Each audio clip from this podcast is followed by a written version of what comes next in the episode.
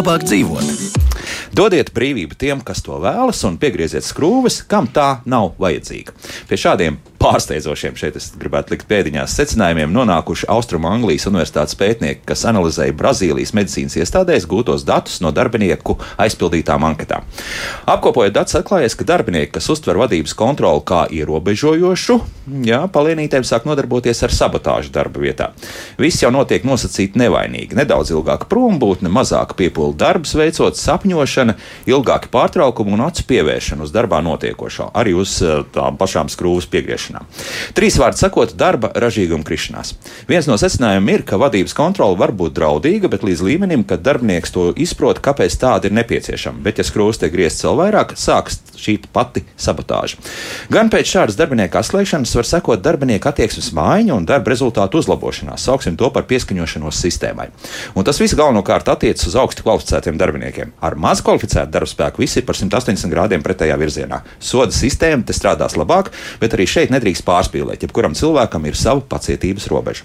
Lai gan dati iegūti Brazīlijā, pētnieki uzskata, ka tos var vispārināt un pielietot arī citur pasaulē. Bet vai rīcības brīvība ir būtiska gados jauniem darba ņēmējiem tepat Latvijā, par to spriedīsim arī šodien raidījumā, kā labāk dzīvot.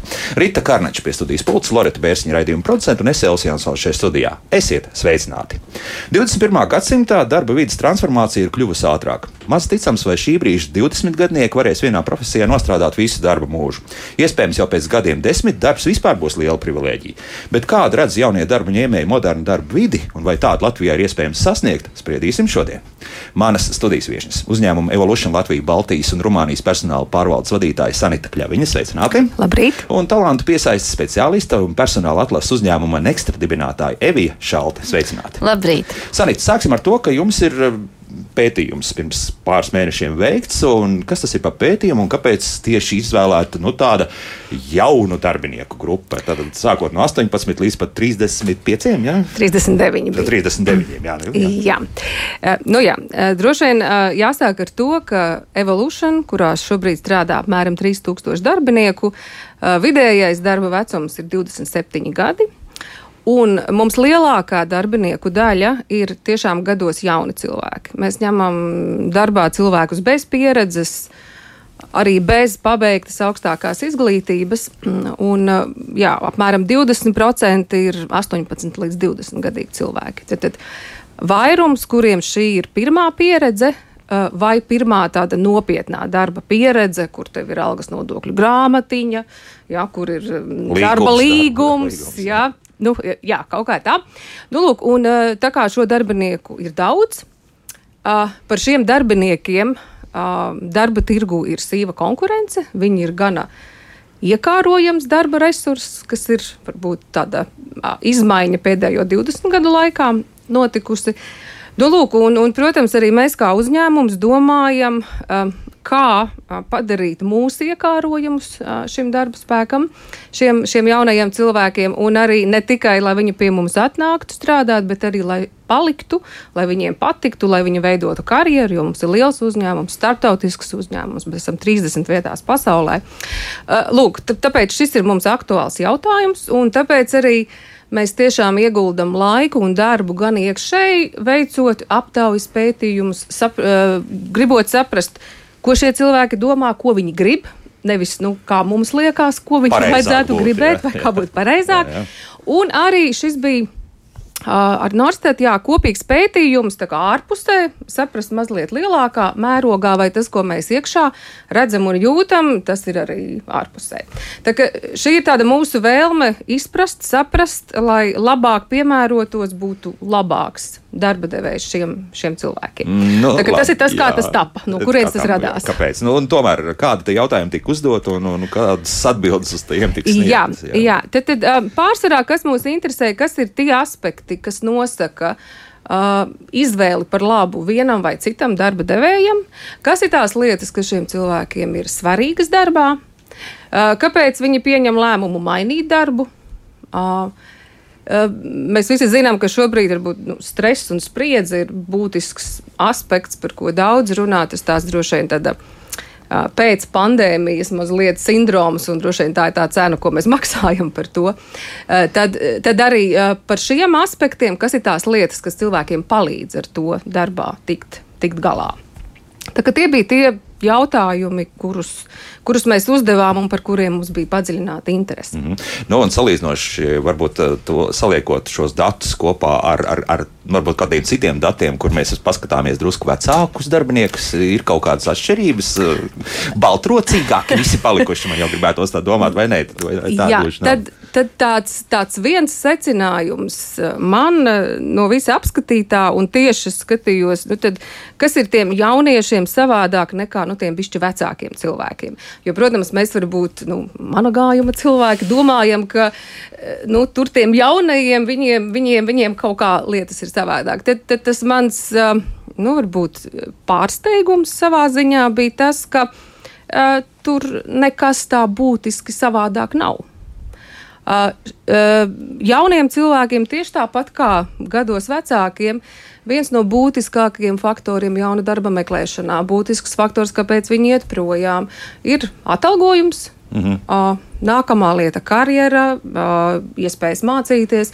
Jā, varbūt procenti atšķirās, bet tās nav būtiskas atšķirības. Ja. Tā kā šie jaunie cilvēki darba tirgu šobrīd nu, ir tāpat būtiska konkurējoša nu, daļa darba tirgū kā visi pārējie. Tas nav tā, ka viņi ir jauni un tad viņi samierināsies, nu, kad tik darbs vienalga, cik maksā. Nē, nē, nē. Bet, Viņiem ir prasības, jā, vēlmes. Labi.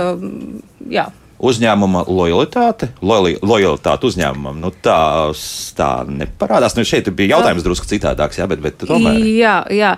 Droši vien tā ir tā lieta, kas uzņēmumam ir jānopelna. Aha. Un tā kā šobrīd tā situācija darba tirgu ir tāda, ka darbinieks stāv un domā, nu, pie kura darba devēja iešu strādāšu. Ja? Eh, tas nav tā, ka mēs darba devēji stāvam un domājam, nu, mēs tevi ņemsim vai nē, un šodien vai rīt, nu, mēs padomāsim. Nē, darba ņēmējs te ir nu, tādās mazliet varas pozīcijās.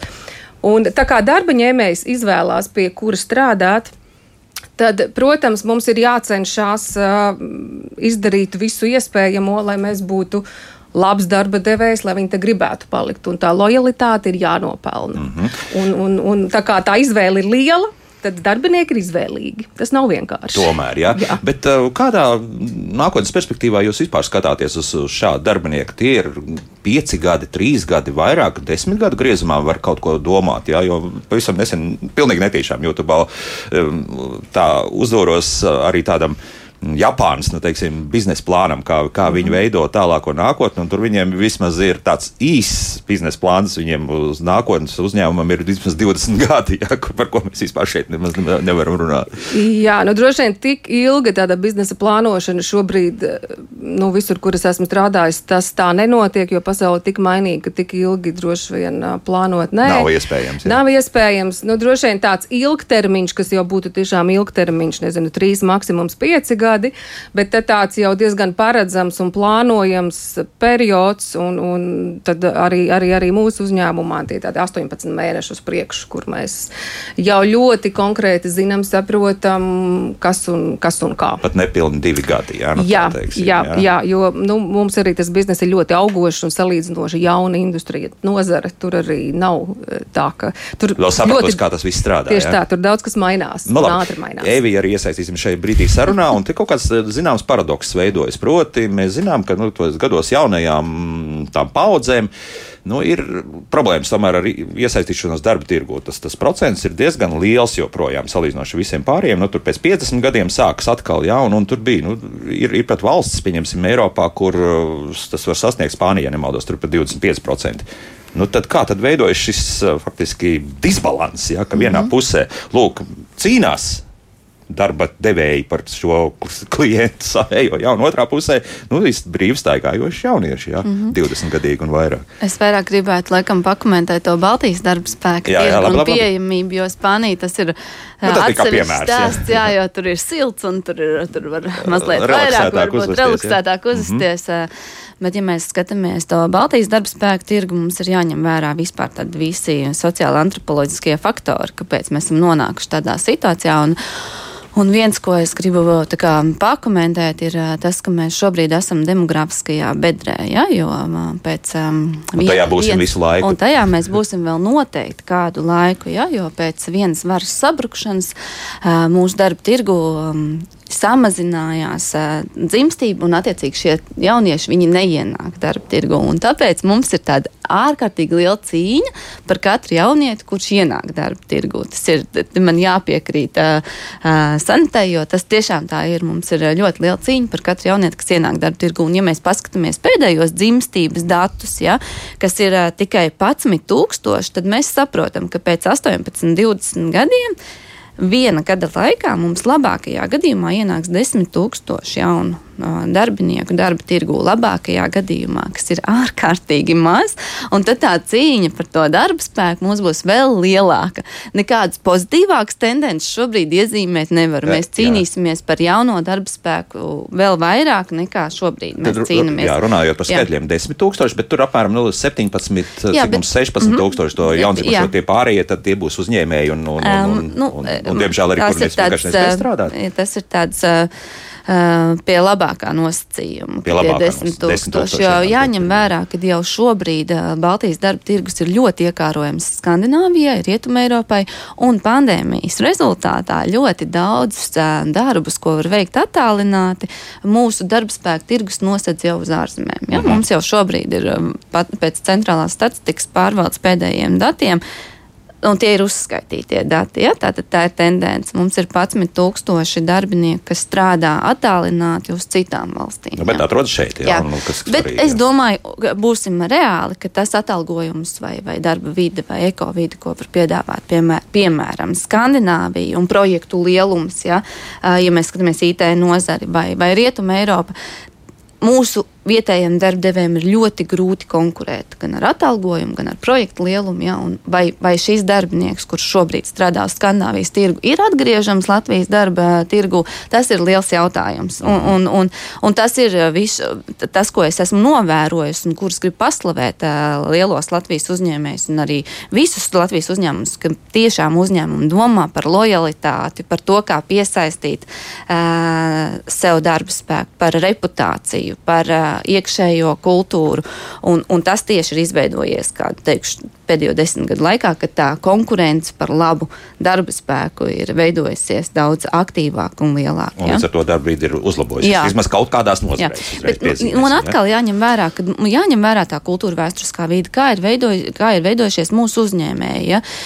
Mums sabruka viena vara, ja? bija pilnīgi citi, citi uzskati, kā veidot uzņēmumus. Tad mums ienāca uzņēmumi no Skandināvijas un Rietuma Eiropas, un mums ir sajaukušies dažādi aspekti, kā izveidot uzņēmēju vidi. Ja? Mums nav, piemēram, pieminējāt Spāniju vai Itāliju. Itālijā, piemēram, piedara vīnogalāju plantācijas, un tur uzņēmēju vide ir paudža paudzēm izveidot un sakārtot. Mēs esam samērā jauna uzņēmēja vide, un mums varbūt vēl nav arī izauguši tādi ģeniāli, uh, fantastiski, ārkārtīgi lielā daudzumā uh, Uzņēmēji. uzņēmēji. Ja? Mums ir. Es, ne, es negribu nekādā veidā nonivelēt. Mums ir ļoti daudz arī labu lietu un pozitīvu tendenci, bet mēs mācījāmies no nekā. Mēs sākām no balts lapas, un mēs esam tajā 30 gadnieku, 40 gadnieku fāzē, ka mēs vēl mācāmies, kā izveidot labu, kvalitatīvu uzņēmēju darbības vidi. Mēs kopējam uh, Skandināvijas modeli, mēs kopējam Rietumē Eiropas modeli. Mums ir palicis vecais modelis, piemēram, valsts pārvaldē, ja, un mums ir jāmācās. Vecais modelis tas visu- nozīmē ko? Nu, nu,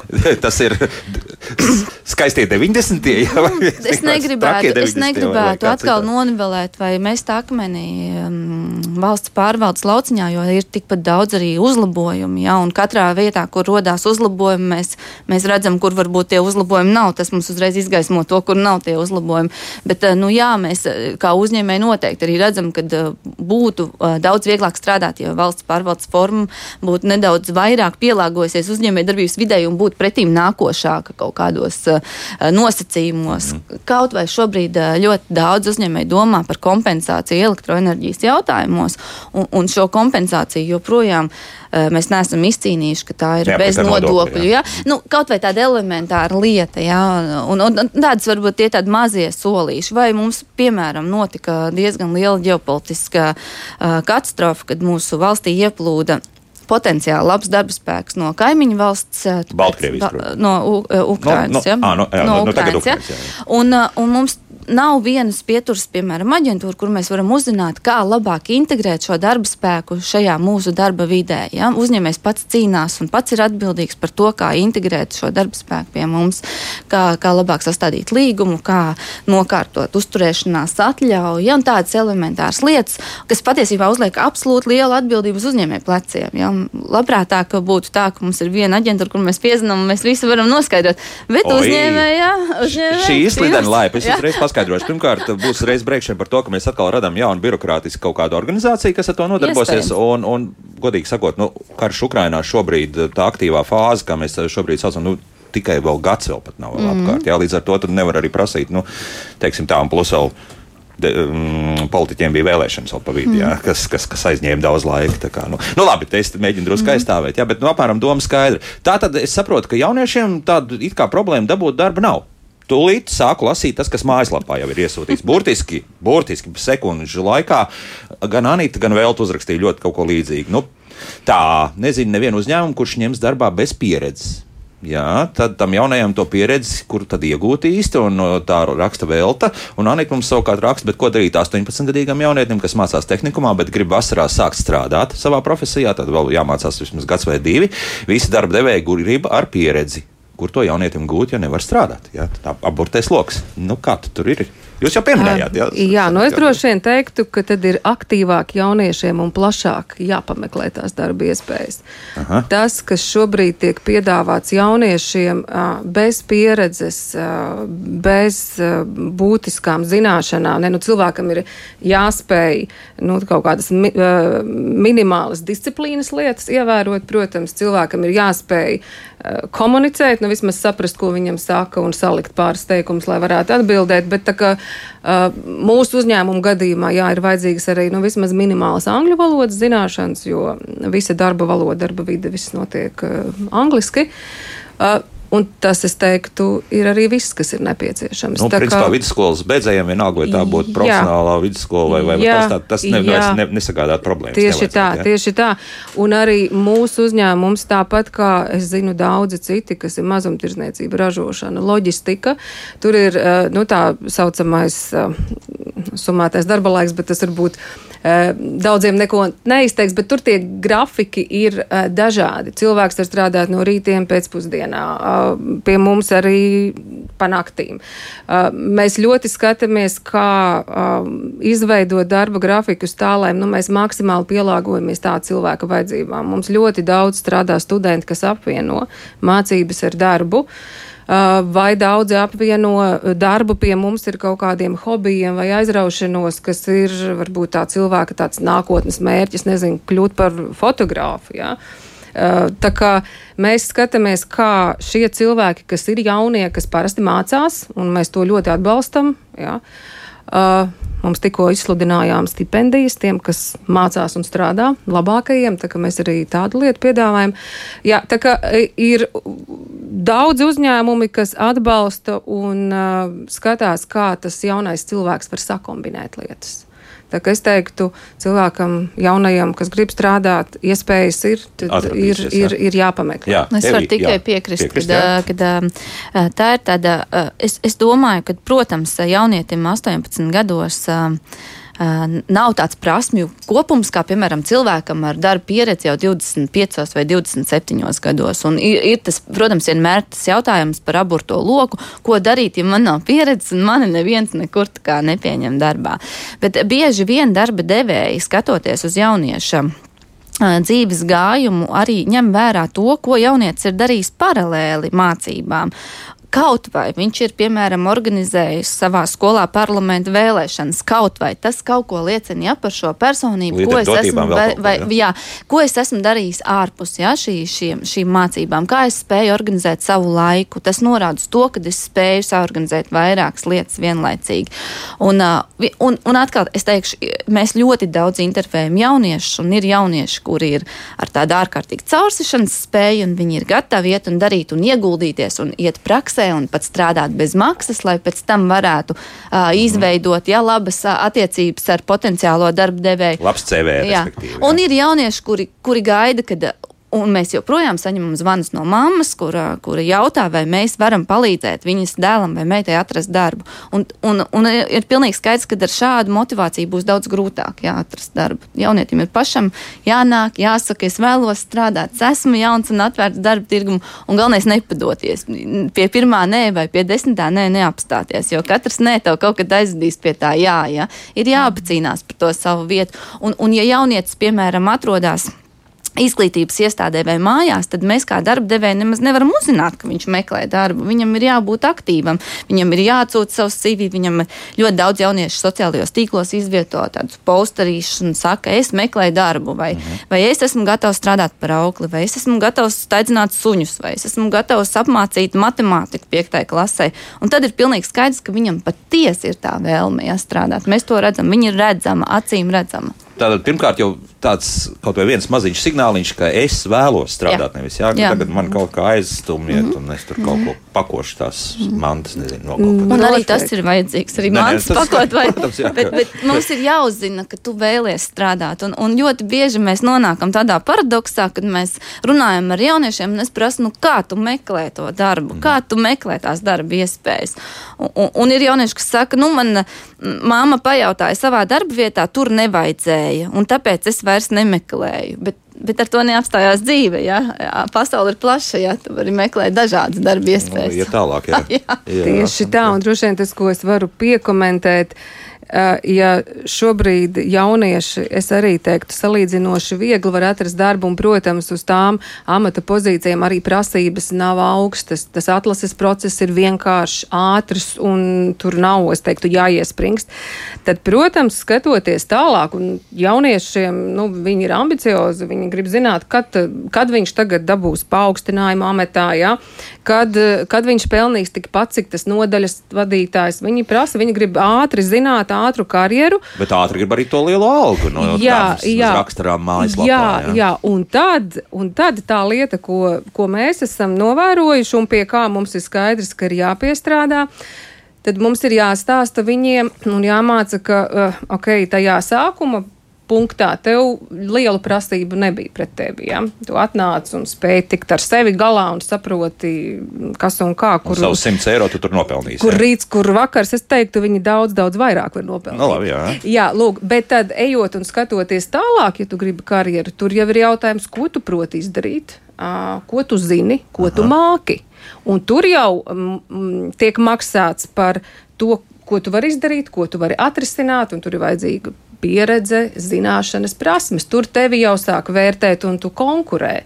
Un tāpēc um, mēs savā uzņēmumā ārkārtīgi strādājam pie tā, ka skaidrojam darbiniekiem, uh, mums ir ēnu dienas iekšējās katru mēnesi, ko dara vienā vai citā uzņēmuma struktūra vienībā, ko tie cilvēki dara, kas tur ir vajadzīgs. Jā. Mēs stāstam kā raksta CV un kā, kā tev jāuzvedās intervijā. Tas attiecās arī uz iekšējām vakancēm, jo arī tur tu konkurē. Mums ir 3000 cilvēku, tur, ir, tur iestājās konkurence. Tad kā tu uzvedies, kā tu raksti CV? Tad pēc intervijas tev varbūt neveicās, varbūt vienreiz, varbūt divreiz, varbūt trīsreiz neveicās, bet tad mēs dodam atgriezenisko saiti un mēs stāstam, nu, klau tiek paskaidrots, kāpēc neveic, jā. jā, jā, jā. Tā, tas ir tāds uh, mācību process, kur cilvēks saprot, ka nu, pirmie soļi darba tirgu ienākt ir salīdzinoši vienkārši, bet tālāk, tālāk sākas konkurence. Un mm. tad paaugstinājums amatā, lielāka alga, ko tu māki, ko tu vari izdarīt, ko tu esi ieguldījis, cik daudz tu esi izdarījis. Jā, un, un Evi, es gribēju papildināt, ka ļoti svarīgi ir nepārstat mācīties. Jo tas, ko mēs redzam darba tirgu, kad cilvēks ir piemēram iegūs augstāko izglītību, viņš ir uzsācis karjeru, iespējams pat ļoti veiksmīgu, desmit gadus nostrādājis kādā darba vietā, un piemēram šī darba vieta nolēmīja, vai šis uzņēmums nolēma pamest Latvijas tirgu. Un tev ir tikai tas prasmju kopums un tikai tā izglītība, kas ir iegūta kaut kādu laiku atpakaļ. Tu neesi piemācījies kaut ko klāt. Tev ir daudz grūtāk jau sākt konkurēt atkal no jauna darba tirgu mans aicinājums ir jebkuram jaunietim, jebkuram darbņēmējam nekad nepārstāt mācīties. Un tas nevienmēr ir par augstāko izglītību, tas ir vispār par, par prasmju attīstību, par to, cik es daudz varbūt lasu profesionālo literatūru, ko es vēl iemācos, ko es vēl iegūstu, kā es komunicēju, ja, sociālās prasmes, kas šobrīd ir īstenībā viena no ļoti vērtīgām prasmēm, jo jauni cilvēki pēc pandēmijas sēžot mājās, ir pavisam maz socializējušies. Ja? Tad tās sociālās prasmes ir uh, dažreiz jātīst no jauna. Jaunajām māmiņām atgriežoties darba tirgu. Dzīves pieredze vairs nepietiek, jā, jā vajadzēs dzīves, mācīties. Jā.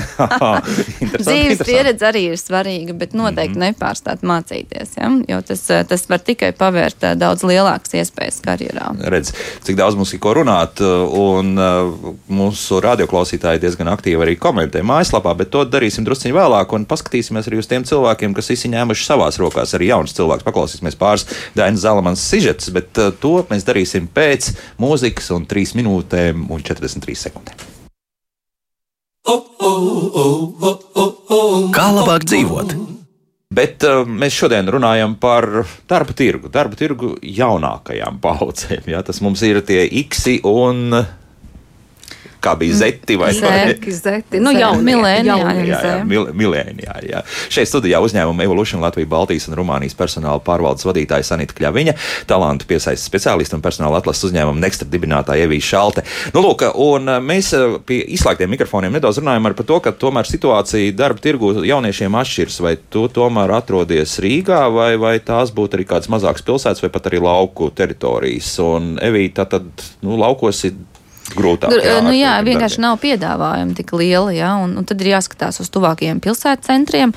Un, un, un, protams, ka galvaspilsētā izvēle ir daudz lielāka jā, darba piedāvājumam. Nu, nu, varbūt ir jāmet. Um, jāmet viss vis pie malas un jādodas uz lielpilsētu, ja tajos 18 gados, vai, vai atkal uh, ir iespējami, iespējams darba iespējas varbūt attālināti, kādā klientu servisā attālināti. Jā, nu, ir jāskatās. Es domāju, ka tas ir tāds meklēšanas un atrašanas jautājums. Un, ja tu ļoti kaut ko vēlēsies, tu vienmēr vari atrast sev kaut kādu nodarbošanos. Bet, protams, kad ir reģions. Arī nevainot savu vidi, teiksim, jā, jā, vietu, jā. vēlēties dzīvot. Mm -hmm. Jā, Bet tad... reģionos noteikti tā situācija ir uh, nedaudz savādāka, jo tur vienkārši nav tik attīstīta uzņēmējdarbības vide. Jā, mm -hmm. vairāk, vairāk varbūt ir nodarbinātība tieši pašvaldību uzņēmumos vai pašvaldību iestādēs, dažādās, jā. Jā, mm -hmm. skolas, bērndārs un tā mhm. tālāk. Un tā tālāk. Bet tomēr redz, ir arī jaunieši, kas ņem visu savās rokās, un tagad paklausīsimies arī vienu no Dainas Zalamans ierakstiem. Un šeit konkrēti mūsu varonis ir Toms Ādlers. Pirms gada atgriezās dzimtajā pusē saldu. Vispirms viņš apciemoja citus maizes cepējus, un tad rupmaizi no bioloģiskiem miltiem sāka cept savā garāžā. Bet šoruden uzņēmums Gaismas klaips, kurā Toms cep divu veidu maizi kopā ar draugu Artūru Kļavu, saņēma saldas novada atzinības rakstu par seno maizes cepšanas tradīciju kopšanu un popularizēšanu. Nu, tad klausāmies, kā tad īsti to mums šobrīd klājas. Ar Tomu Ādleru tiekos saldū, ēkā, kur pirms diviem mēnešiem viņš sācis īrēt telpas maizes cepšanai. Telpā saldis mažo iesāls. Tā ir iesala masa, kura tiek sagatavota pulkstenis 9 no rīta un 7 vakarā iesals uzrūks līdz šejienei, un tad mēs nāksim gatavot mīklu priekš rītdienas cepieniem. Mm -hmm. Un reku tur pa kreisi tālāk, kāpēc šeit viss tik ļoti smaržo. Reku viss vēl kūp. Iekšā tā tad ir uh, iesals, ķimenes un milti. Un tas tiek apliets ar, ar verdošu ūdeni, un viņam jānostāv vismaz 8 stundas. Un tas vakarā ies kopā ar ieraugu, miltiem. Viss tiks mīcīts, un rītā cepam kukuļus, un piekdienā dodamies uz tirgu. Kur tad jūs to maizīti cepat? Cepam mēs viņu šeit. Šeit mums ir liela Elektriskā. Jā. Nu, tā elektrība tagad ir tik dārga. Jā. Es to pieņemu šobrīd šādi. Ir ziema, un drīz viss mainīsies. Nu, labi, ir 4-5 mēneši, tā ziema būs elektrība dārgāka. Tā, tā ir. Bet to it nebūs. Pēc pieciem mēnešiem viss būs kārtībā. Būs vasara, komunālajie maksājumi, visi man kritīsies. Toms sevi nesauc par uzņēmēju un biznesa cilvēku, bet par vienkāršu mājražotāju. Es esmu sapratis to, ka uh, man nevajag šobrīd daudz. Šobrīd ir tāds laiks. Galvenais, kas esmu paēdis, man ir uh, jumts uz galvas, ģimenē arī visi pēduši. Tad jau viss ir labi. Es zinu, ka es ar maizi nepelnu miljonus, un es nezinu, vai es, es gribu ar maizi par pelnīt miljonus. Šis ir mans dzīvesveids, kuram es šobrīd gribu iet cauri, lai kā, izlīdzsvarotos dzīvē mazliet. Ka man nav vajadzīga tā tukša skriešana pēc naudas, ka tu nezini, kur viņu likt. Es caur savu prieku radot šo maizi, es iedodu viņai kvalitāti, šo garšu, un cilvēkiem tik tiešām viņa garšo. Man ir prieks, ka viņa, viņa garšo. Vaicāja Tomam, vai viņam, attīstot mājražošanu, nevajag papildus līdzekļus. Šobrīd man nevajag atbalstu. Šobrīd es varu pats vēl radīt un veidot un visu izdarīt. Bet tad ir kaut kāds slieksnis, kas visiem ir. Tagad man vajadzētu. Piemēram, mēs šobrīd esam gadu šeit, cepam to maizīti. Varētu teikt tā, ka ir sasniegts kaut kāds slieksnis mājražotājiem, tad viņam gan vajadzētu atbalstu no valsts. Ir iespēja, protams, rakstīt dažādas projektus. Tev ir varbūt arī padomā kaut kas lielāku krāsni vai vēl kādu papildus krāsni, kur maizi cept. Vai... Zini, kas man nepatīk šajos projektos, ka tev ieliek nevis termiņā, bet ka tev ieliek kaut kādos rāmjos. Tev tagad piecos gados ir jāizdara tas, un tad tu būsi kā, izdarījis to, ko mēs gaidām. Es tāds neesmu, jo es nezinu, ko es darīšu pēc diviem gadiem. Es nezinu. Man tiešām nav ne jausmas, un es domāju, ka šādu cilvēku ir ļoti daudz. Es neesmu vienīgais šāds unikālais. Un šobrīd, šajos laikos, kad ir vispār diezgan nestabila šī situācija, gan ar covid, gan ar karu, tad um, Nu, šajā laikā noteikti es nekādus projektus nerakstīšu. Maizes cepējs Toms Ādlers vērtē, ka saldus tirgus ir populārs un iecienīts, jo tirgumi ir labi saimnieki. Tikpat svarīga ir pircēju uzticība Latvijas ražotājiem. Mums kā sabiedrībai ir jāapzinās tas, ka, ja mēs pērkam vietējo, tad nauda saglabājas valstī. Un viņa neiet ārā, viņa saglabājas valstī un tautā. Viņa te paliek. Un viņai, nu, principā, kas notiek, notiek ražošanas attīstība ātrāk, straujāk. Jo redzot to, ka mums auditorija kļūst lielāka maizei, es redzu to, ka es varu attīstīties. Un es varu attīstīties tikai tāpēc, ka uh, latvieši tauta izvēlās vietējo produkciju. Ja es pērku un, uh, vietēju un un nauda paliek Latvijā, tad visiem ir labi. Nu, lūk, paldies Dēnai Zalamanai. Tā tad. Uh, Neliels komentārs no jūsu puses. Jā, nu, it kā jau nav jūsu lauciņš. Jūs tomēr me, meklējat tos, kas jā. būs darba ņēmēji, nevis tie, kas varētu būt potenciālie darba devēji. Jā, bet, bet tomēr. Bet, uh, man ir prieks par jebkuru uh, jaunieti, kas uh, ir gana drosmīgs. Uh, un kā mēs šajā piemērā dzirdējām, uh, tad patiesībā iniciatīva, nevis sēdēt gausties, bet domāt, ko es varu darīt. Un otra lieta ir spēja pielāgoties, vai nu, mēs to moderni saucam par fleksibilitāti, ir patiesībā tādi nu, izdzīvošanas jautājums ilgtermiņā, lai vienmēr, nu, tu kā kaķis nokrist uz četrām kājām. Spēja pielāgoties, saprast, ja situācija ir mainījusies, ko es te varu darīt savādāk, kā es varu šajā situācijā iegūt labāko, ko no viņas var iegūt. Es teiktu, tā ir kritiski svarīga uh, prasme mums šajā ļoti tādā pārmaiņu periodā, un kā arī šis jaunietis teica, nu, viņš nezina, ko viņš pēc diviem gadiem darīs. Un es teiktu, nu, arī mēs šeit sēdošie tā mm. ļoti nezinām, mm -hmm. un tāpēc būt gatavam situācijā, nu, kāda viņa ir rīkoties, saprast, tad, ko es te varu darīt bez tā, ka viss ir slikti un viss ir šausmīgi tad nu, tas ir tāds arī tavas nākotnes dzīves kvalitātes jautājums. Tā kā man prieks, mhm. iniciatīva un prasme pielāgoties, tās ir, tās ir, nu, tas ir šī jaunā cilvēka kapitāls. Teiktu, man šobrīd. patīk arī tas, ka viņš tomēr saka, nu jā, ka šobrīd tas apmierina. Ta, ta, jā, tas, jā, man pietiek, viņš jā, saka, un tā pietiek, ir tāda zēpaudas sipnība, tā jā. ir pirmā paudzes, pirmā pēckara paudze, jā. Un, un pēc, pēc padomu varas paudze viņi pilnīgi savādāk domā, viņi savādāk redz vērtības, ja iepriekšējā valsts iekārt tā, ja mēs sākām strādāt, piemēram, par slaucēju fermā, mēs zinājām, ka mēs strādāsim par slaucēju fermā ļoti, ļoti ilgi. Mums bija skaidrs plāns, ja, kā Japāņiem 20 gadus plāns ir plāns, tu zini, mm -hmm. ko darīs. Mēs šobrīd dzīvojam kapitālismā, un mēs arī redzam, cik bieži cilvēki maina darbvietas, jo mēs nezinām, ko mēs darīsim pēc diviem, trim, četriem, pieciem gadiem. Tā ir pilnīgi normāla jaunās paudzes izpratne par darbu tirgu. Šodien cepšu maizi, rītā vārīšu varbūt ievārījums parītis, varbūt jau braukšu uz Itāliju un pasniegšu jogas nodarbības. Tas, un tas ir tas, kā, traģisks. Ne, un tas nav nekas traģisks, un, un, un ja tev viss ir kārtībā un tu vari ar to dzīvot un tev pietiek ar, ar to kapitālu, kāpēc nē? Mm -hmm. Tad, ja mēs skatāmies no tādas māju ražotāju vai uzņēmējdarbības viedokļa, savukārt Neksna Latvija ar Norstat sadarbībā aprīlī veica pētījumu, mēs intervējām strādājošus cilvēkus vecumā no 18 līdz 59 gadiem visos reģionos un uzdevām jautājumu, vai viņi ir domājuši par savu uzņēmēju darbību. Ja? Bet mēs intervējām strādājošus cilvēkus, mm -hmm. kuri ir algota darba ņēmēji.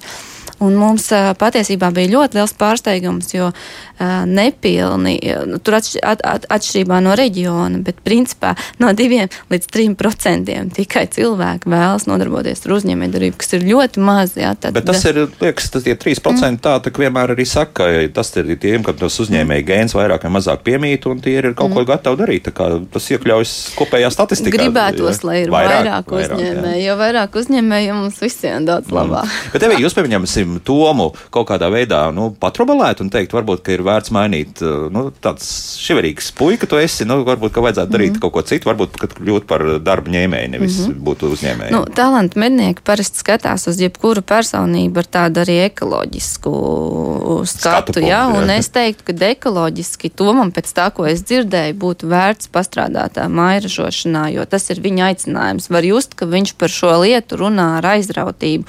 Un būtu ļoti bēdīgi, protams, ka mēs viņam varētu piedāvāt kaut kādu citu iespēju un iepār nepārdot, ka viņam ir vērts iet pie kāda strādāt un, un, un necīnīties par to maizi cepšanu, bet būtu ļoti bēdīgi, ja mēs pazaudētu cilvēku ar kaislību. Mēs nezinām, varbūt pēc desmit gadiem viņam piederēs lielākā maizes ceptuve Baltijā. Tāpēc ļausim, ļausim viņam, viņam darīt jā, lietas, kas jā. jādara. Nu, mums ir vēl jāpaklausās drusciņi no cita reģiona. Šajā gadījumā dosimies uz Krīveru pusi, kur Daina arī viesojās, un Montenāburga radošo darbnīcu Radada Skrīveros izveidoja pirms septiņiem gadiem.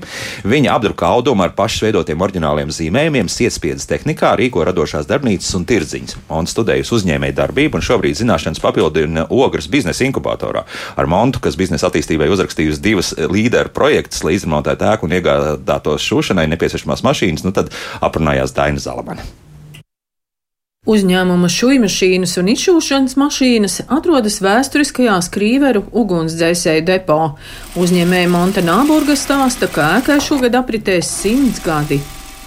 Šeit bija iepriekš eh, garāža, kurā glabājās ugunsdzēsēju mašīna. Šo telpu es apguvu, kad sākās Covid. Izremontējām un ierīkojām šūšanas darbnīcu lai iegādātos šūmašīnas, izšūšanas mašīnu un lai varētu ražot jaunas kleitas un vispārējo. Šī šobrīd ir mana tehniskā telpa, kur glabājas mana trafarete. Šeit ir sietu skalojumā izlietne. Nu šeit arī grīdas nomainītas. Jā, šeit ir nomainītas grīdas. Tālāk ir mans birojas, eh, noliktavā un viss kopā. Šajā stūrī vispār bija caurums, tā ka varēja redzēt cauri sienai. Man liekas, kāda pelīte ar dzīvoju. Nomainījām logus, grīdas, siltās ielikām.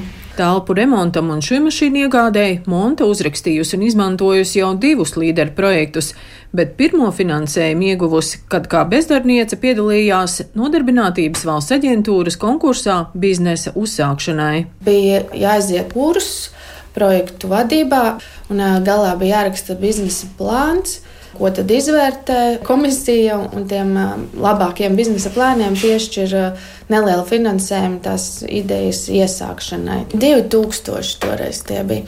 NVA vēl maksāja pirmo pusgadu minimālo algu tev par to, ka tu strādā. Tādā veidā viņi iesaistīja jauniešus, motivēja sākt savu biznesu, radīt savu darbu vietu. Es nopirku pirmos trafaretus, pirmās krāsas, un tālāk jau Tā projekta rakstīšanas māka bija rokā. Var teikt, ka paralēli lauka atbalsta dienests, līderu projekts, tā aizkrauklas partnerība bija izsludinājuši projektu kārtu arī uzņēmējdarbības uzsākšanai. Tas jau bija remontam. Toreiz tie bija 25, manuprāt, tūkstoši. Tūkstoši. Jā. Tā bija nauda, kas man bija jāiegulda.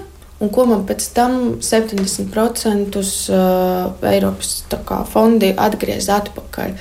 Tas ir ļoti liels darbs, tā ir tāda arī atbildība uzņemties, ja uzrakstīt to projektu. No tevis jau prasa arī atpakaļ pēc tam, kad tu radīsi to darba vietu, sasniegsi to savu nosprostu apgrozījumu, vai radīsi konkrētus produktus vai jaunus dizainus. To finansējumu iedod, bet tā atskaitīšanās ir diezgan stingra un, un, un prasa no tevis diezgan daudz. Kad vaicāju, kas ir visgrūtākais uzņēmēja darbībā, Monte vērtē, ka savs bizness paņem ļoti daudz laika. Praktiski brīvā laika nav. Es varu teikt, ka tagad nu, seši gadi es darbojos. Nu, Šovasar es varēju paņemt nedēļu brīvu, ar ģimeni bērniem aizbraukt uz kurzemi. Nu, tā ne, nedomājot par darbnīcu, par darbu. Kad es to uzsāku, tad man vēl nebija 30. Un vai šobrīd es ar šī brīža varbūt uh, enerģiju to varētu, es nezinu vairs. Nu, tas, tas bija tāds baigais tāds uzrāviens, jo tiešām nepieciešams liels spēks un atbalsts no pārējiem noteikti jābūt saprotošiem ģimenēm visiem. Kad uh, es varu nebūt arī mājās. Nu, pirmos gadus noteikti pat līdz naktīm strādājām. Gandarījums ir pirmkārt. Nu, patīk tas, ko es daru. Kā saka, kad pārvērš savu hobiju par darbu, un tas, laikam, ir tas, ko katrs vēlētos. Tas ir viens un otrs, uh, labās atsauksmes. Te ienāca kaimiņiem, pāris mājas tālāk dzīvo tāda kundzīte. Un tad nu, es neko nepirkšu, bet es jums te uzpinu tādu salmu zaķīti, ko iekārt eglītē. Un paldies jums par to, ko jūs darāt tas ir tas paldies. Ka tai sabiedrībai tas ir svarīgi, kad atnāk un pasaka to paldies. Tas ir svarīgi. Jā. Monta Nāburga.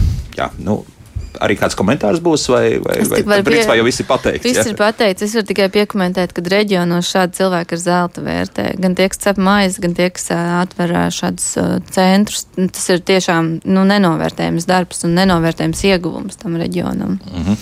Jo runājot arī par nākotni, liekas, ka kopumā liekas, ka tiem jauniem cilvēkiem ir jārēķinās, ka šādi būs tālāk jādzīvo. Un te varbūt runa ne tik daudz par kaut kādām sietspiedēm vai maizes cepšanu, bet arī par uh, audiovizuālā satura veidošanu. Jā, jo, jo, kā izrādās, lūk, ja tev tu esi sasniedzis, piemēram, YouTube, dabūjis sudraba pogu, respektīvi 100 tūkstošu abonentu skaitu, tu diezgan viegli var dabūt arī uz Amerikas Savienotām valstīm vīzu. Jā, jo viņi jau uzskata, ka tu jau esi tāds nopietns, nu, teiksim, šobiznesa gandrīz darbinieks. Jā, nu, tad, nu, tas tā ir. Un ļoti iespējams, ka pēc tā 2030. gada, kad uh, futurologi biedēja, ka nu, tas apmēram miljards darba vietu kaut kur pazudīs dēļ automatizācijas un robotizācijas, kaut gan es tā skatos, ka tik ātri tas nenotiks. Jā. Jūs arī tā piekrītat, jā, ka tik ātri tas nebūs. Nu, tad tomēr uz to jāskatās, jā, ka tādi produkti būs jārada.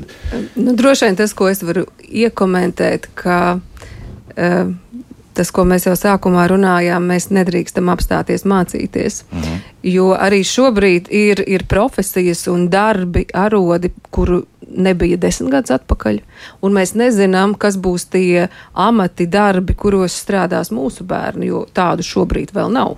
Tāpēc mums ir jābūt gataviem mācīties, kaut ko aizmirst no tā, ko mēs zinājām, jo tas vairs nav aktuāli. Nebūs, ir jādara lietas savādāk. Tā kā mācīties un, un, un atmācīties vai aizmirst to, ko mēs iepriekš zinājām.